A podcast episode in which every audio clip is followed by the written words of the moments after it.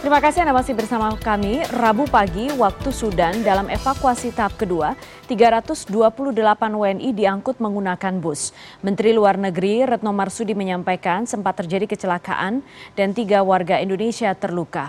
Pada tahap pertama, total 569 WNI dievakuasi sejak Senin 24 April.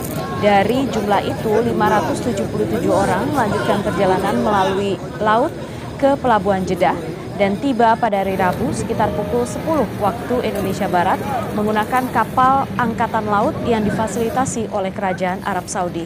Menurut Retno Marsudi, WNI yang dievakuasi pada tahap kedua dari Khartoum ke kota Port Sudan melalui jalur darat telah tiba hari Rabu sekitar pukul 9.30 WIB. 328 orang yang terdiri atas 29 wanita, 294 laki-laki, dan lima anak-anak telah dievakuasi. Saat ini juga sedang menyeberang dari Jeddah ke kota Port Sudan untuk membantu evakuasi tahap kedua serta menyelesaikan segala urusan terkait evakuasi yang sangat rumit ini.